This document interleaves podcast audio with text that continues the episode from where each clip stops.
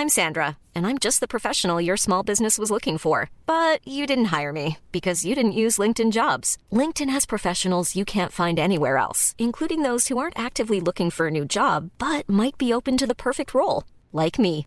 In a given month, over 70% of LinkedIn users don't visit other leading job sites. So if you're not looking on LinkedIn, you'll miss out on great candidates like Sandra. Start hiring professionals like a professional. Post your free job on linkedin.com/people today.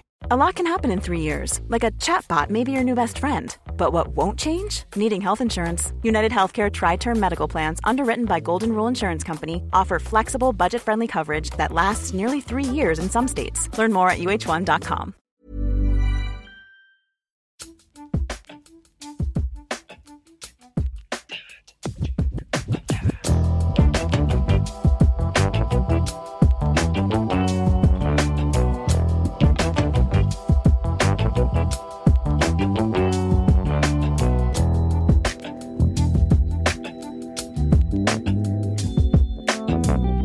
Hej och välkomna till ett specialavsnitt av Britta och Parisas podcast. Och detta är inte vilket specialavsnitt som helst utan det är i samarbete med Amnesty för att de varje år mobiliserar till världens största människorättskampanj Skriv för frihet. Eller på engelska, Right for Rights. Det är lite snyggare på engelska.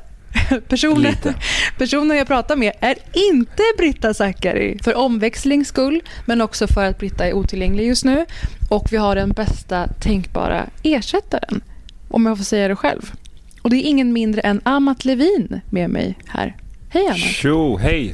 Välkommen. Väldigt kul att vara här. Ja. Tack så mycket. Jag lyssnar ju på er podd varje vecka så det känns eh, speciellt att vara liksom med i den nu. Gud, jag ska fjäska tillbaka omedelbart nu.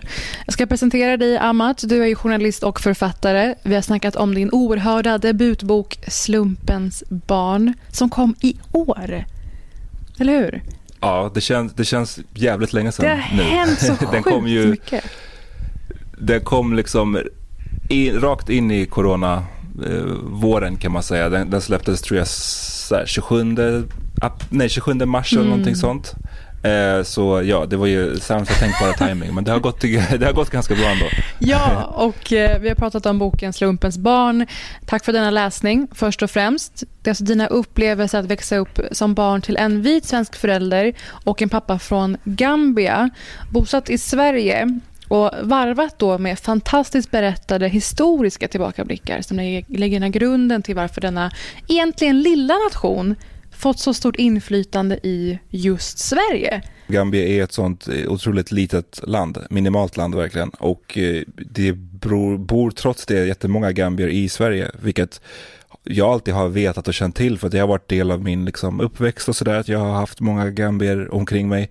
Men sen så när jag blev äldre så funderade jag på hur det egentligen kommer sig. För det bor inte lika många andra västafrikaner här, så det verkar ju vara någonting speciellt med just Sverige och Gambia. Så det var det som fick mig att börja vilja liksom, ja, ta reda på mer eh, kring den här kopplingen. Och det är en ganska speciell historia liksom. Den, den är ju, därför tror jag den heter Slumpens barn, för det är ju väldigt många olika eh, tillfälligheter som har gjort att den här relationen ändå finns. Nu får jag berätta för dig att jag vägrade delta i prisutdelningen av Augustpriset för att den här boken inte nominerades. wow, skönt. Gud jag överskattar min roll här. Det var snarare att jag eh, blev tillfrågad och så sa jag så här, ah, men jag kan tyvärr inte. Och by the Mm, way, mm. ni borde haft med den här boken. Tack, Ja, uppskattar det mycket. Eh, Starkt. jag hade inte ens, eh, sådana där grejer har jag verkligen inte ens någon tanke på alls. Mm. Eh, jag bara såg det när, när alla nomineringar släpptes och det var inte som att jag blev besviken för att jag hade inte ens considered it. Men jag uppskattar, jag uppskattar att du eh, langade bojkotten. Absolut. Outrage. Du nominerade vårt pris i hashtag BP bokklubb. Välläst, Mm. väl omtyckt bok i den bokklubben, så det är kul. Eh, och utöver detta så är du en av de tre ständigt vassa, roliga röster i min favoritpodd Power Meeting Podcast. Och du är även skribent i till exempel Dagens Nyheter. Du har fokuserat en del på just att lägga mönster kring frihetsrörelser, förtryck och även det här historiska perspektivet som du gör så bra. Eh, Kan du berätta lite om dina drivkrafter bakom ditt berättande och ditt fokus? Mm. Alltså dels tror jag att jag bara alltid har gillat själva skrivandet. Eh, det är väl det som ligger mig närmast när man tänker på vad jag, alla olika grejer jag jobbar med. Ehm, men sen så, jag startade ju också det här kontot Svart historia som handlade även det mycket om att försöka skriva om sånt som kanske inte får så mycket utrymme annars. Eh, just svart historia får ju extremt lite utrymme i, i skolan och bara så här i allmän kunskapen på något sätt. Trots att det har, eh, som all historia, hjälpt till att forma den värld som vi lever i. Liksom. Eh, så det är det som jag tror jag drivs av mycket.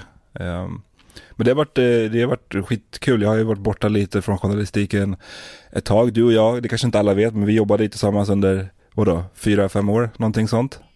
Eh, så det känns kul att i och med den här boken och Svart historia och att jag skriver för Dagens Nyheter numera också, att, att, att jag skriver mera igen. Liksom. Mm. Vi jobbade på en redaktion tillsammans i många år där Amat var chefredaktör bland annat. Det är väldigt mäktigt. Mm. Men mm. Vi kanske ska beskriva vår ambition idag. Det kanske låter som ett stort ämne. Och Det är så att Amnestys människorättskampanj Skriv för frihet har ett tema varje år. Och I år fokuserar vi på den fruktansvärt grundläggande och just nu hotade rätten att fredligt protestera. Vi lever ju i protesternas tid återigen kan man säga. Och eh, det här är något som du och jag har lagt mycket tid på i år i respektive poddar och texter och allt vad det är. Vad är din ambition idag, Amat? Eller vad hoppas du att lyssnare ska känna efter det här avsnittet? Eh, förhoppningsvis bara att det är eh, dels att det ger någon slags, det ger resultat att protestera. Det är viktigt att liksom få sin, göra sin röst hörd. Eh, men också att så här, om man inte har koll på det finns så många olika sätt som man ser olika regeringar runt om i världen nu som de slår ner på den här rätten till att kunna få protestera.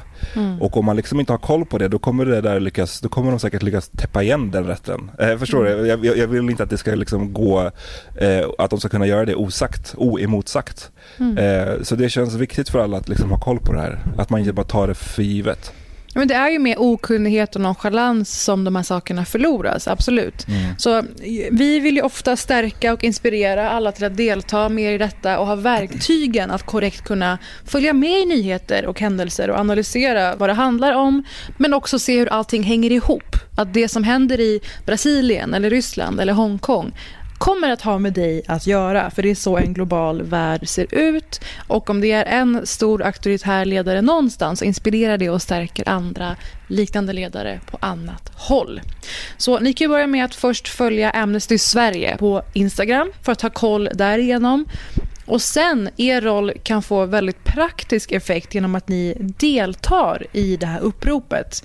Alltså styrkan i antalet. Så delta i Skriv för frihet. In och skriv under på amnesty.se slash skriv för frihet. Och vi kommer gå igenom de sex individfall de fokuserar på just i år och med avsnittets gång också upplysa er igen om urlen. Så ni kliver in på Amnesty och skriver under. Ja, nej, men vi kommer väl snacka eh, en hel del. Alltså dels lite om vad liksom, protester har för roll i samhället. Eh, det finns en del slentrianmässiga grejer som folk slänger sig med, även en del myter kring liksom protester, att, att det inte funkar kanske egentligen eller att det bara handlar om att uppvigla. Eh, vi kommer också som eh, du var inne på att gå igenom vissa av de här fallen som Amnesty har valt att fokusera på samt eh, några nutida och historiska exempel på eh, protester. Mm. Ehm, mm. Och liksom vad som har krävts för att göra skillnad. Ibland kan ju folk bli så jävla inspirerade bara av att höra att det där initierade en jättestor rörelse som ledde till medborgarrättsrörelsens själva pris, Civil Rights Act, till exempel. Men först och främst, jag tycker vi ska börja i en välbekant röst för podden och även för Amats poddlyssnare vet jag, nämligen vad Trevor Noah hade att säga när man började kritisera hur protester får gå till tidigare i år. When Colin Kaepernick kneels, they say this is not the right way to protest. When Martin Luther King had children as part of his protests in Birmingham, Alabama, people said having children as your protest is not the right way to do things. When he marched in Selma, people said this is not the right way to do things. When people marched through the streets in South Africa during apartheid, they said this is not the right way to do things. It's never the right way because there's never there is never a right way to protest. And I've said this before. There is no right way to protest because that's what protest is. It cannot be right because you are protesting against a thing that is stopping you. Det är alltså Trevor Noah som har The Daily Show på Comedy Central och eh, just i år ju blivit ganska tydlig röst.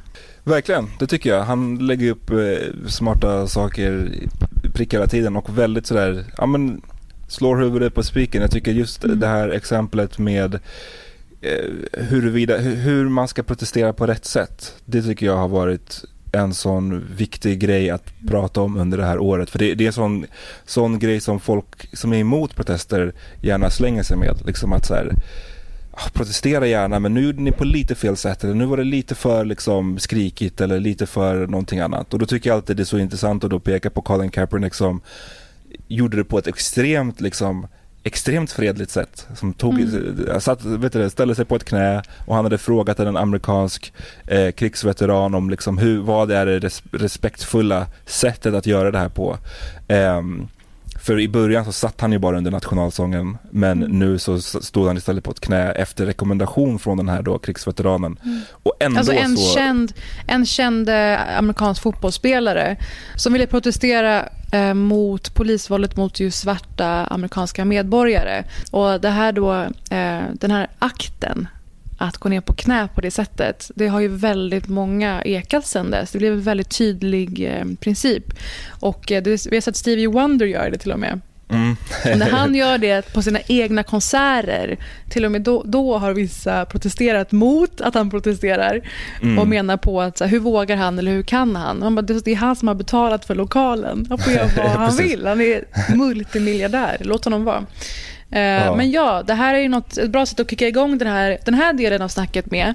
Just myter och fördomar som ofta slängs kring protester. För att få folk att backa egentligen. Mm. Och alltså en av de största som, eller mest liksom använda som jag har hört på senare år, det har ju seglat upp i takt med att så här online protestlistor har blivit mer populärt. Och det är just det här med att vad fan spelar en protestlista på internet för roll? Eh, och det är många som liksom inte vill skriva på det för de tror inte att det gör någon skillnad. Och, ja, alltså någonstans kan jag ju förstå den känslan för att man, man du vet, klickar in någonting på, på nätet och skickar iväg det och sen så liksom mm. vet man inte vad som händer. Men om man följer det så, så finns det ju massvis av exempel på när det faktiskt har hjälpt till. Mm. Eh, jag tänker att liksom, alltså dels så har de ju en även om, även om man inte lyckas, vad ska man säga, få exempelvis politiker att, eh, att um, ta vissa, de besluten man vill att de ska ta så har de ju ändå en, en liksom mobiliserande eh, roll, de här protestlistorna, en opinionsväckande roll. Um, det, gör fler, det kan göra fler människor liksom varse om, om den här frågan man nu liksom, eh, diskuterar. Mm. Eh, det hjälper ju till att liksom synliggöra eh, problemet och eventuellt då det folkliga stödet för att lösa problemet. Alltså mm. har, en, har en fråga fått flera hundratusen påskrifter, det säger ju någonting om vad folk tycker i frågan. Jag tänker på ett sånt exempel som jag kommer ihåg från ett par år sedan var ju i Iran om jag inte minns fel. Eh, Conche eh, Gavami, du, du, jag uttalar det säkert fel, eh, men eh, som är både liksom brittisk och iransk medborgare och som arresterades i Iran för att hon försökte gå på en eh, liksom volleybollmatch. Och det är bara då tydligen mm. män som får göra det. Och hon slängdes i fängelse i någon slags isoleringscell och var på hennes brorsa som jag tror då befann sig i England startade en sån här protestlista som då flera hundratusen människor skrev på. Um, och eh, det var ju en av de grejerna som hjälpte till att hon sen friades efter några, mm. efter några månader. Så det, det, kan ju faktiskt, så som vi var inne på, det finns, protestlistor har alla de här andra funktionerna också, eh, men det kan också få reella funktioner i att liksom, just det man kräver, ibland går det också igenom. Och mm. ofta är det så att faktiskt när det är väldigt många som skriver under, att det i sig sen blir nyheter. Att det mm. sen plockas upp som att ja, men efter DNs avslöjande, nu har 200 000 skrivit under. Då blir det en ny rubrik och ett nytt tillfälle att få några fler att slänga ett par ögon på vad det är som ja. händer och engagera sig. Det, det, finns en annan myt också som jag har, eller myt, en annan sån sägning som jag har sett eh, dyka upp nu på senaste tiden. Det handlar ju om att demonstrationer har blivit som någon slags sätt att eh, posera eller någon slags statusmarkör. Eh, och att det just därför då inte är legitimt på något sätt. Eh, och den tycker jag, alltså på ett sätt tycker jag den är svårare att bemöta bara för att det finns med en viss typ av protester så finns det ett, ett visst mått av poserande i det. Alltså jag tycker, jag tänker att ett av de främsta exemplen kanske eh, från nu i somras var ju Black Lives Matter och den här svarta rutan som man skulle slänga upp och sen inte göra så mycket mer och framförallt när man ser vissa företag hoppa på det på ett ganska tveksamt sätt. Att där upplevde jag ju faktiskt att det där kändes rätt poserande. Men, Mm. men däremot har jag mycket svårare att köpa den sägningen när man slänger det på folk som faktiskt antingen skriver på listor och liksom skriver under med sitt riktiga namn eller som fysiskt närvarar på, på demonstrationer i, ute i den riktiga världen. Där, ser, där tycker jag det är mycket svårare att slänga den stämpeln på dem för att de tar ju faktiskt från sin tid, de tar till och med en risk eh, som, med, att- med att gå ut och, och protestera för det de tror på. Ja, absolut. Och sen så får man ju se det som att det är en win-win. Att säga att det är poserande. Eh, Vi hånade ju Ashton Kutcher tidigare i år. Hans gråtattack över hur, hur insiktsfull han var om någonting med jämställdhet och eh, Black Lives Matter. Och eh, då kom jag ändå fram till att, men tänk hur många som ser det här och annars inte hade nåtts av det. Kan vi svälja och stå ut med hans ganska fåfänga sätt att göra sig central i den här frågan? S- för fördelarna det har. Och det här är ju ett typiskt sätt att få folk att backa från att protestera, göra sig hörda, stå upp för rätt grej. Att håna och förminska engagemang. Det är en lika stor del av tystnadsmekanismen som fysiska personer på plats som river ner demonstrationsskyltar. Det måste man förstå, att det hänger ihop. Att det här näthånet nu till exempel i Polen, man har skjutit upp beslutet i Polen nu att eh, porta eller förbjuda abort i landet på grund av dessa eh, enorma protester och demonstrationer från kvinnor framför allt. Men under hela den här tiden så har det varit väldigt mycket hån och motstånd mot dem online. De har hängts ut, de har blivit såklart hotade med våld på plats men klipp till att Polen skjuter upp det just på grund av att de har samlats. Så man måste försöka svälja den eventuella eh, skammen om man är en person som är rädd för att verka vara poserande eh, och försöka ha lite överseende med dem man tycker är poserande. När det inte är rena, rena övertramp. För svarta rutan var ju hos vissa inte helt väl hanterat. Nej men det var precis, det är därför jag tog den som ett exempel någonstans Mm. för att den var, den är också kanske det främsta exemplet för att den var så extremt och jag tycker också när det är jag håller också, jag är också hårdare mot företag generellt än vad jag är mot liksom individer, förstår du? Alltså Mm. där, där tycker jag, om, om ett företag slänger upp en sån ruta då måste man också kräva att de gör någonting reellt. Eh, det tycker jag. Men, men jag håller helt med om att det där med att håna folk som protesterar definitivt är, har blivit nästan som en taktik hos Mm. de som inte vill att folk, hos de vars intresse det är att folk inte ska gå ut på gatorna och protestera. Innan vi går in på de här eh, historiska och nutida exemplen för att inspirera er lite och engagera er lite så tänkte jag kolla på de här individfallen som Amnesty lyfter i samband med kampanjen nu Skriv för frihet. Och det här gör de just för att ge de här rörelserna ett ansikte.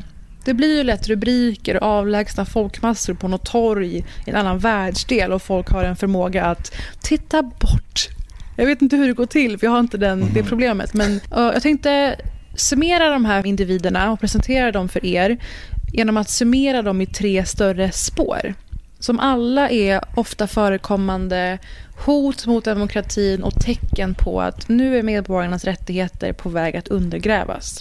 Så det här kan man se i all historia någonsin över hela världen. Stort Ja. nu. Det första, den första är ganska given. Vi har präglat året, inte minst i och med Black Lives Matter. Vad Kan du tänka dig vad det är för ofta återkommande tecken? för, mig, för mig är det liksom eh, övervåld. Ja, Eh, polisiärt mm. övervåld. ja. Exakt det. Du har såklart hängt med i händelserna i Chile. De, det handlade ju om, om eh, kollektivtrafiken. Ibland kan det ju ha liksom en sån början. Att, eh, Mm. det, liksom, det handlar om, om, om höjda priser i kollektivtrafiken vilket sen ledde till väldigt stora protester. Um, och de här protesterna då han, kommer att handla om mer än bara kollektivtrafiken. Det handlar ju om liksom eh, korruption och den här ekonomiska ojämlikheten som finns där. Um, men här såg vi också att polisen, eh, Chiles nationella polis, eh, bemötte det här med, och liksom slog ner det här, de här protesterna väldigt hårt. Mm. Och det som jag tycker är intressant, kanske extra mycket i det här fallet, är att de sköt med gummikulor och det är någonting som jag har sett att folk ibland tycker som att det är ju inte så farligt om man skjuter med gummikulor. Att det vore mer humant ja. Ja men det är så, uh. de sköt ju inte med riktiga, med riktiga ammunition men sen så ser man ju då vad de, vilka skador de här gummikulorna faktiskt kan göra. Mm. Um, och det var ju många där som fick permanenta ska, äh, synskador när de träffas i huvudet av de här äh, gummikulorna. Ja, för Amnesty har samlat information och material såklart som visar att polisen systematiskt sköt med gummikulor mot människors huvuden. Det är en viss skillnad. Det är inte vattenkanoner vad gäller humana sätt att eh, hindra eller stoppa uppror, som de kanske kallar det i Chile, men som utåt sett är såklart demokratiska demonstrationer. Så det var massiva protester och eh, Chile har ju präglats under lång tid av fruktansvärt tuffa klassklyftor och privatiseringar. Och jag var faktiskt i Chile förra våren, i just Santiago. Mm. Så det var mm. absurt att ha varit på plats, absolut känt de här laddningarna och märkt av den här stämningen och sen se hur det briserar fullständigt när man väl är hemma igen. Och namnet som Amnesty väljer att lyfta i detta är Gustavo Gatica som alltså var en, ja, en student och en demonstrant. Och han är en av väldigt många som fick permanenta synskador just av polisens agerande. Och han förlorade synen på båda ögon. Alltså en ung man, mm. en ung person. Och Det är fruktansvärt, men eh, vad han har sagt om det här är jag fick offra mina ögon för att andra ska öppna sina. Återigen vad andra riskerar för basala rättigheter som du och jag kan skriva en insändare om och få ja. svar på. ja, men precis. Men, men, också att, ja, som vi var inne på tidigare, hur vilket jävla pris att få betala eh, mm. för att man går ut och gör sin röst hörd. I att liksom förlora synen på båda ögonen. Det är ju helt otroligt när man tänker efter. Um, men så det som Amnesty kräver nu är ju att den här polisen, om jag förstår rätt, de har lyckats knyta en polis eh, via videomaterial till just den här händelsen. Alltså de vet i stort sett vem det är som har skjutit om jag förstår det rätt. Mm. Um, men de vill ju också att så här, eh, cheferna, alltså polischeferna ska utredas och ställas till svars. Eh, det är någon slags speciell är... insatsstyrka som har varit ofta förekommande i just mm. de här mm. mer brutala övergreppen. Och det finns en paroll från Chiles eh, frihetsrörelse som var väldigt stark tycker jag. Uh, we're not from the left, we're not from the right, we're from the bottom. Jag tänkte nämna en till person, ett till individfall som Amnesty lyfter under den här parollen av polisvåld. Och Det är faktiskt en kvinnlig demonstrant i Iran. Hon heter Fateme Davand och hon tillhör den kurdiska minoriteten. Amnesty lyfter fram henne just för att visa på hur polisvåld också är en tystnadsmekanism. Hon greps under fredliga protester och dömdes till flera års fängelse för detta och 30 piskrapp. Eh, det är ett otroligt, alltså man kan bara tänka sig själv. Det som är i det här fallet som är extra intressant också är att det beskrivs ju som en fredlig eh, demonstration. Det är alltså inte en demonstration där saker har spårat ur. För att i, i en sån demonstration där, du vet, egendom förstörs mm. så är det mm. alltid som att folk tycker att poli eller det finns alltid en viss grupp av samhället som då tycker att typ alla medel är tillåtna. Eh, men, men här kan man inte ens liksom förklara bort det med det för att det var en fredlig demonstration och ändå blir resultatet flera års fängelse och 30 piskrapp. Så det här är bara två av namnen i Skriv för frihet-kampanjen. Hoppas ni redan nu rusar in till amnesty.se skriv för frihet och deltar i att uppmärksamma de här fallen och backa Amnestys krav på att de ska frias och att de som har utfört de här brotten ska lagföras.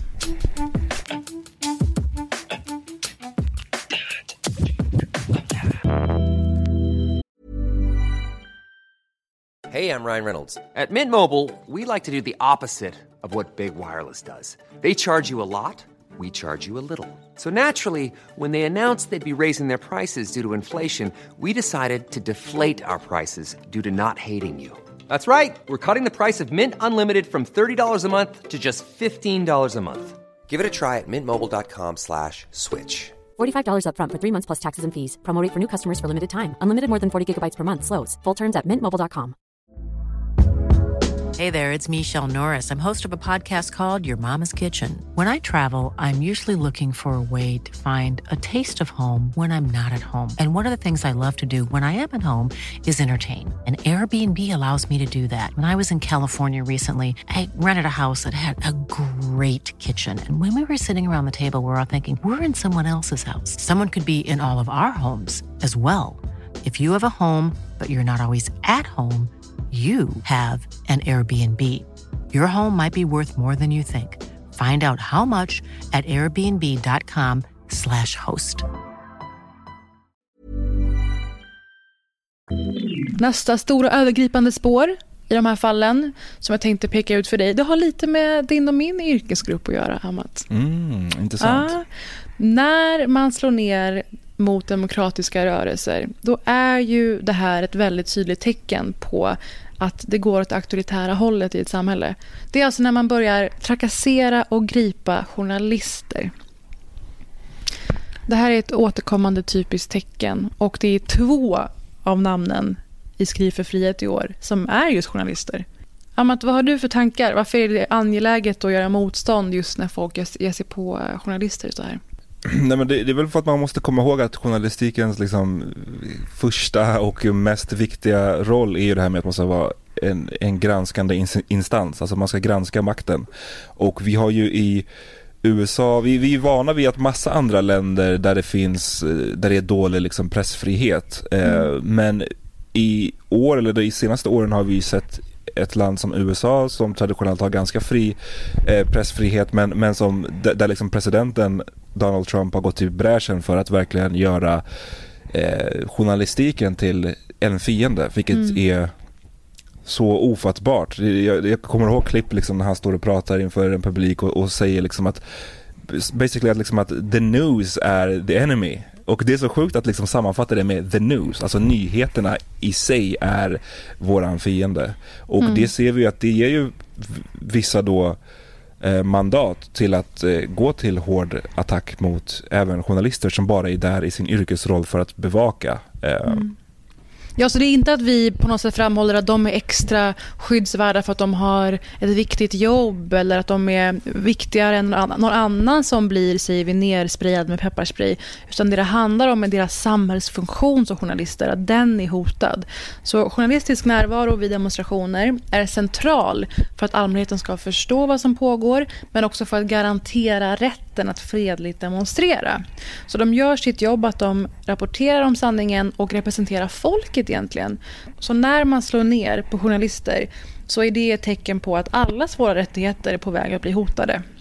Och Amnesty lyfter fram just Andrea Sahori, som jag ger mig på att säga, som är en reporter i USA som befann sig på plats under Black Lives Matter-protesterna och blev pepparsprayad av poliser fast de såg att hon var journalist och hon står nu dessutom åtalad. Andra fallet är journalisten Khaled Drareni i Algeriet som spred videos på polisvåldet och fortsatte med detta trots trakasserier från polisen och han greps i mars i år. Så det här är två av fallen som Amnesty lyfter fram som ni jättegärna får engagera er i på sajten. Okej, ett tredje sista tecken som ofta förekommer när det kommer till det här att folk försöker inskränka demokratiska rättigheter, det har med yttrandefriheten att göra. Jag har summerat det som begränsningar i yttrandefriheten och hets mot utsatta samhällsgrupper. Att det är något som alltid återkommer när friheten håller på att förloras i olika länder. Och eh, Amnesty lyfter just fram situationen i Turkiet vad säger du, Amat? Visst är det allt mer alarmerande? Det är inte så långt heller ifrån Sverige, om man ska förstå.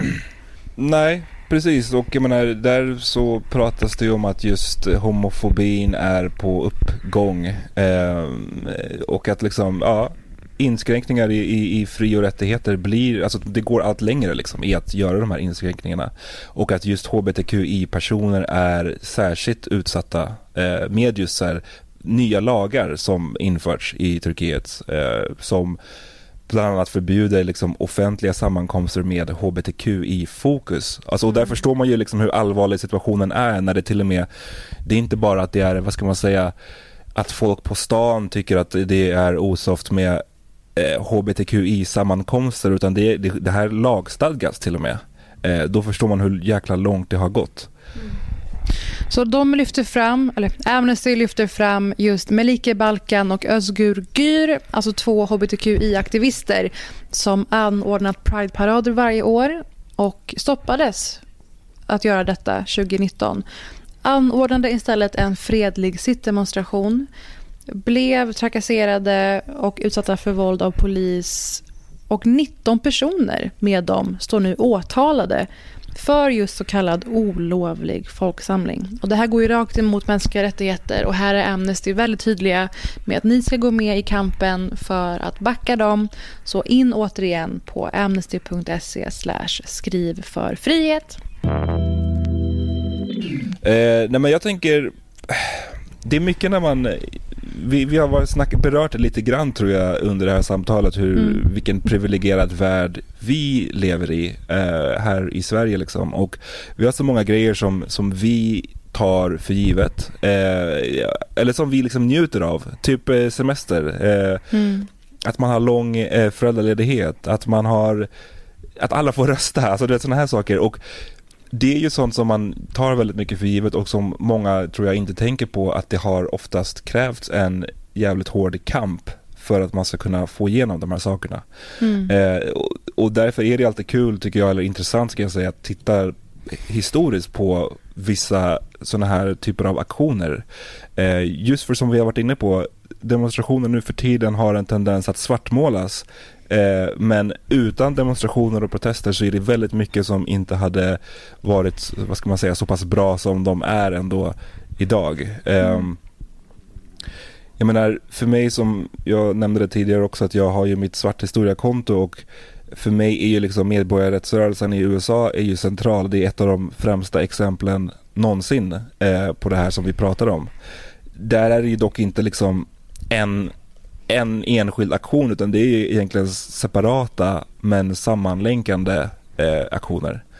Mm. Och en av de som är värd att, att kolla in och som är det kanske en av de mest klassiska från den här tiden är ju bussbojkotten i Montgomery 1955 som inleddes med just eh, Rosa Parks som jag tror ändå att de flesta känner till. Eh, ja, men visst har det här förvridits med åren, hur det här gick till egentligen? Hur menar du? Alltså... Nej, men... Eh, för vissa tar det som att hon bara en dag var less. Mm. Och för i, på den här tiden, det är inte länge sedan återigen, så eh, var det särskilda lagar för svarta amerikanska medborgare som inte erkändes som fullgoda medborgare. Mm. Och eh, Det var så att Rosa Parks, eh, man hade en skyldighet att sätta sig upp eller byta plats om en vit person ville ha ens plats. Så mm. pass grovt var bestämmelserna. Och hon hade väl under en längre tid engagerat sig och inte velat eh, gå med på det här längre. Precis. Eh, mm. det hade hon och eh, man kan ju bara själv försöka tänka sig in i att det här är ens, om det här skulle vara ens vardag liksom. Att, och ibland är det så. Det, det, kan vara så att man till slut bara snap, att man bara, fan den här, mm. just idag, jag tänker, jag orkar inte. Jag kanske, hon kanske redan hade haft en, en, en, en, en shitty day och bara mm. orkade inte också ställa sig upp till den här vita mannen. Eh, så hon eh, gjorde inte det helt enkelt. Det här var ju mm. 1955, det kanske jag sa. Men det här utmynnade ju dock sen i en bussbojkott där eh, Montgomerys då mm. eh, svarta medborgare vägrade åka med kollektivtrafiken. Ja. Och Men det är det här, det här, jag syftar på. Att vissa mm. ser det som att Rosa Parks bara hennes, eh, det här att hon inte ställde sig upp, att det var själva incidenten. Mm. Hon mm. blev ju gripen då och bötlagd. Och det drog igång folks raseri när det blev känt sen. Alltså mm. det här jag pratar om att det kan syfta till att väcka andras engagemang och mobilisera andra. Mm. Och det som blev grejen då var egentligen det ekonomiska Ja, 100 procent. 100 procent för att det var ju de, de, kollektivtrafik, de som åkte mest kollektivtrafik var just den svarta befolkningen. Så att mm. när de helt plötsligt försvann så var det som att det blev en otroligt ekonomisk press på, på just kollektivtrafiken. Eh, och då ska man också komma ihåg att apropå liksom engagemang och hur mycket man kan behöva kämpa ibland, att den här bojkotten pågick i över ett år. Mm. Så att de, folk kämpade som fan för att visa vad de tyckte i den här frågan. Och det ledde ju faktiskt fram sen till en ny lag som slog fast att eh, den här sortens rassegregation inom kollektivtrafiken var oförenlig med eh, USAs konstitution. Så det är mm. ett sånt, en sån solklar liksom, vad ska man säga, vinst mm. eh, som de här protesterna resulterade i. Mm. Men jag älskar det här exemplet för det visar på att saker och ting behöver en gnista. Och sen mm. kräver det power in numbers. Och just här kanske det var någon som var så här, men vad spelar det för roll om jag inte bojkottar? Det kanske var någon lat motvallsperson även där som var inställd på att säga, men vad spelar det för roll? För det är det bara poserande. Ja, men inse power in numbers och att väl, vad man väljer att lägga sina pengar på, det är också en fredlig sorts protest. Mm. Ja.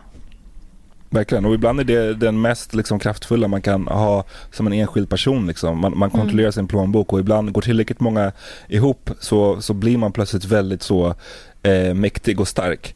Mm. Eh, jag tycker att ett annat exempel, du nämnde ju den här i fallet från Turkiet eh, med de som hade blivit förbjudna att anordna en liksom Pride-tillställning och där är ju just Stonewall-upproret mm. ett intressant fall att ta upp också. Eh, som skedde i New York i slutet på 60-talet. Eh, och det här var ju verkligen en tid där världen men också USA var otroligt så eh, anti-hbtq, alltså väldigt eh, gayfientlig. Eh, mm.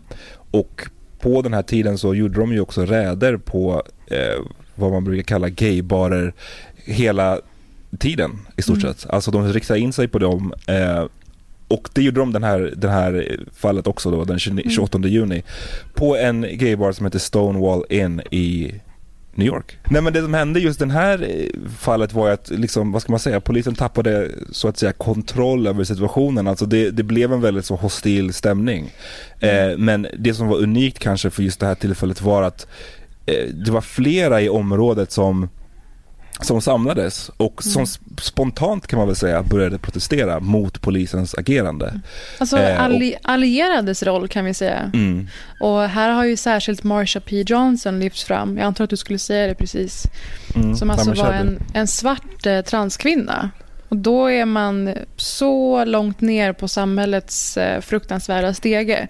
Så tänk dig då att du möter hostila poliser att du behöver ju den buffern, den hjälpen som allierade kan ge. Och det blev ju väldigt mäktigt där med Stonewall just. Och det här finns förevigat i eh, The Death and Life of Marsha P. Johnson på Netflix. Jag kan passa på att tipsa om. Men det är ett jättebra väldigt... exempel verkligen.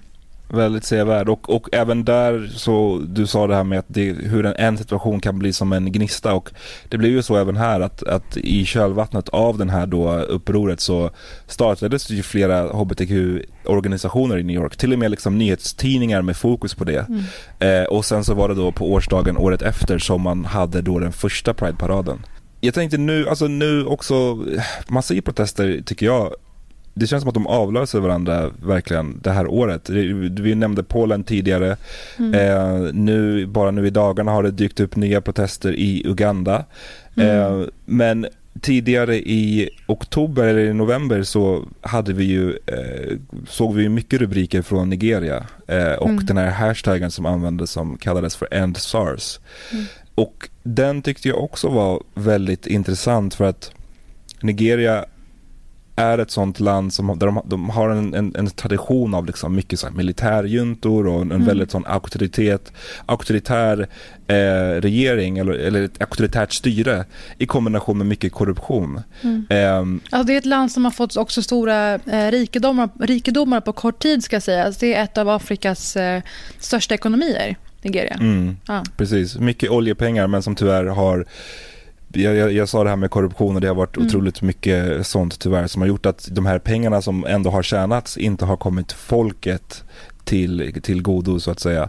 Eh, men, men det som de protesterna handlade om där mycket var ju just, eh, det, det fanns Eh, eller det finns, det är lite oklart huruvida den här liksom organisationen fortfarande finns kvar men eh, en särskild division av polisen som heter då SARS, Special mm. Anti-Robbery Squad som formades för att just eh, slå ned och bekämpa rån, bilstölder och eh, kidnappningar. Men ganska direkt så eh, började folk klaga på att nej men alltså de här poliserna själva eh, rånar oss. Mm. Eh, de kan stoppa folk med eh, i stort sett av ingen anledning. Alltså du, du har på dig, de tycker att du har på dig en för, för snygga jeans eller du har fel slags frisyr eller du kör en bil som vi inte tycker att du borde köra. Eh, och då kan man helt enkelt stoppas och muddras och eh, avkrävas mutor. Vissa menar att de liksom marscheras, kvinnor framförallt menar att de ofta kan anklagas för att vara prostituerade igen mm. av ingen anledning. Och mar tvingas marscheras till eh, bankomater där de helt enkelt måste ta ut pengar och bara ge till polisen. Så det, det är en otrolig sån eh, otrolig sån korruption mm. eh, alltså som maktmissbruk. folk har fått nog av. Ja. ja. Och så det här är det man pratar om. Det är mycket prat om hårda tag runt om i världen just nu. Och man måste förstå att det är såna här grejer som eh, folk varnar för. Som kan vara konsekvenser av att ge en enskild polis kanske för stor makt att utan att behöva passera andra rättsliga eh, passager få bestämma om någons, säg, någon straff på plats. Mm. Det här är vad som är skuggsidan av ett sånt beslut egentligen. Precis och mm. det de här, i början, alltså, återigen, det här, det här var liksom fredliga protester men som då möttes med igen, tårgas, vattenkanoner, alla mm. de här metoderna som ibland beskrivs som att de är så himla humana men som det är inte kul att bli sprayad med tårgas liksom. Eh, och sen så menade polisen att nej men nu ska man stänga ner den här divisionen SARS. Eller det var mm. faktiskt, mm. eh, ja jo det var polisen som menade att man ska stänga ner eh, SARS. Men demonstranterna var ju liksom inte nöjda för de menar att det här har vi blivit lovade förut. SARS har lagts ner förut och den har kommit mm. tillbaka. Mm. Um, så att protesterna fortsatte och den 20 oktober så inträffade ju någonting som, som eh, antagligen kommer att gå till historien för att polisen då utlyste eh, utegångsförbud eh, på obestämd tid i staten Lagos. Och där får man ju själv tänka sig in att liksom utegångsförbud är en sak men sen på obestämd tid är ju liksom vad betyder ens det? Det är, no det är mm. någonting som man knappt kan sätta sig in i. Någon slags undantagstillstånd. Mm. Um, och då blir det ju måste... tystnadsmekanismen då återigen. 100 procent och där, och där så trotsade ju folk, demonstranter trotsade det här förbudet och samlades vid en vägtull i ett område som heter Lekki där de sjöng, med, de sjöng nationalsången, viftade med nigerianska flaggan. Och sen så säger ju flera vittnen att där på kvällen så stängdes telefonnätverket ned, gatlamporna släcktes eh, och mm. korsningen runt den här eh, vägtullen barrikaderades. Eh, innan då militären kom dit och öppnade helt enkelt eld mot demonstranterna. Mm. Och vittnen beskrev det här som en massaker. Mm. Det här vittnar åter, återigen om, om just hur viktigt media är för att det har varit så svårt att fastställa liksom, siffrorna. Jag har sett allt från 10 dödsfall till 70 dödsfall till ännu mm. flera. Mm. Uh, ja. Det här var ju fruktansvärt och tyvärr så spred folk också en del klipp och bilder på det här som var direkt opassande tycker jag. Men det där kan mm. man tycka olika. Man, för jag tycker att man kan belysa en hemsk situation och Eh, bidra med sitt stöd och sin solidaritet utan att för den skull exploatera de här kropparna som har eh, blivit offer för det här ofattbara våldet ju, som var med på många bilder och klipp på, på nätet. Jag skulle vilja lyfta ett till exempel där det finns en så tydlig eh, punkt från att någonting hände, en gnista tändes och att reell förändring drevs igenom. Det handlar om den 4 april 1968 i Memphis, Tennessee när Martin Luther King Jr sköts till döds. Och det här vet vi alla blev eh, roten till väldigt stora protester runt om i USA. Klipp till 11 april. Alltså det är otroligt. Mm. Att så kort efter så kunde presidenten Lyndon B Johnson klubba igenom Civil Rights Act. Det som alltså Martin Luther King Jr hade kämpat för under det här decenniet som ju präglades så mycket av medborgarrättsrörelsen och av hans roll i det hela. Så man mm. måste förstå att alltså det ska så mycket till att som att någon dör, skjuts för att folk ska förstå allvaret och förstå folks ilska. Det är ju det man vill undvika. Och just då, återigen, är fredliga protester så fruktansvärt viktiga. Att hörsamma redan då folkets vilja. För det kan komma att bli allvarligt eh, åt alla håll egentligen. Ja, verkligen. Och jag tror att, jag tror att det är viktigt också. Vi har snackat mycket om liksom hur, vilken uh, viktig roll media och journalister spelar. Men jag tror också att det är viktigt att man som individ någonstans hela tiden tänker kritiskt. För att typ nu under somras så var det ju otroligt, otroligt mycket rubriker kring Black Lives Matter och, och kring det våld som, som, som kom i samband med det. Alltså som sagt egendom som förstördes eller bränder som startades. Det fick ju otroligt mycket utrymme. Men jag vet att i, i, i september så publicerade Time Magazine eh, en, en undersökning som visar att 93% av de mer än 7750 Black Lives Matter-protesterna i USA hade varit helt fredliga utan liksom mm. det minsta krossade ruta eller någonting. Mm. Så att jag tror ändå man måste alltid ha ett kritiskt öga och, och, och eh, när man läser om de här typen av sakerna. Det tror jag. Mm.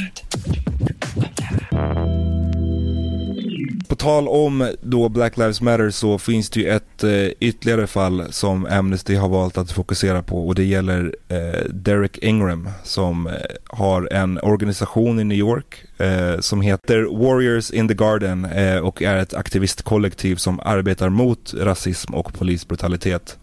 Han, eh, det var ju, han var ju nära på att råka illa ut för att han kom att misstänkas för misshandel mot en polis i samband med ett, en, en aktion.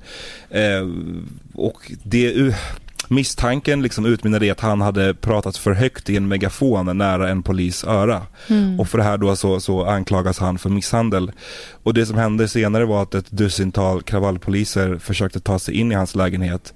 En enorm liksom polisinsats, eh, helikoptrar, hundar eh, och de var på väg att slå in hans dörr och igen, vi kommer ihåg eh, tidigare i år med Brianna Taylor ibland hur fel det kan gå när polisen gör den här typen av räder. Eh, det som kanske räddade honom i den här situationen var att han började livesända den här polisräden på Instagram tror jag att det var. Mm. Och det då fick ju andra demonstranter att komma dit, det fick journalister att komma dit, varpå då polisen valde att lämna det här, eh, hans lägenhet. Så vi ska få höra lite från honom själv i det här klippet. And anything can be activism if it's going against the grain, if it's bringing attention to a cause, if it's signing a petition. Joy can be activism. We lead with love um, and optimism and hope. That that's a form of protest as well. Not every single type of activist um, action or activism needs to be um, led with anger. Not every piece of activism has to be a protest and be large or a march.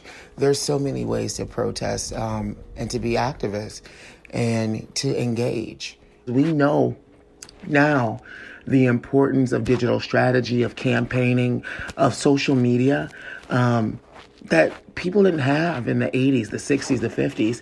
And that ability to take video of injustice and share it with millions of people and not have to filter through reporters and all this other stuff and propaganda tools, it gives us so much more power. Jag hoppas att fler känner sig lite eh, peppade på att liksom det faktiskt går att göra skillnad. Eh, mm. Nej, men alltså jag fick gåshud flera gånger. Det här är inte bara nedslående. Det här är liksom, se det här som återigen nu pratar vi om poserande förut, men se det här som din, ditt sätt att känna dig lite mindre maktlös och lite mer faktiskt involverad i att eh, det börjar gå åt rätt håll. Mm. Mm. Ja, men den här typen av organisering är, är, den är ovärderlig och den är superviktig. Man är så pass mycket starkare. Det låter alltid så klyschigt när man säger det men att organisera sig och göra någonting tillsammans gör ens röst så pass mycket mer kraftfull mm. än om man står där själv på sitt hörn liksom och skriker. Älskar det. Power in numbers. Så återigen, vad vill vi? Vi vill att ni går in och följer Amnesty Sverige på Instagram för att följa med i deras arbete och stötta dem.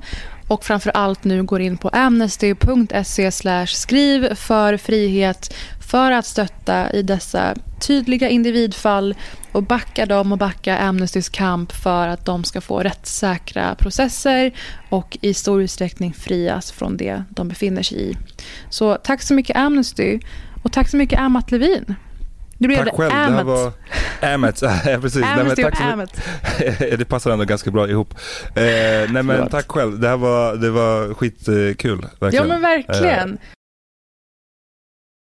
Du har med dig oftare, även eh, med Britta såklart framöver. Jag kan vara husvikarie. Ja. Exakt. Tack så mycket. Tack själv. Hej då.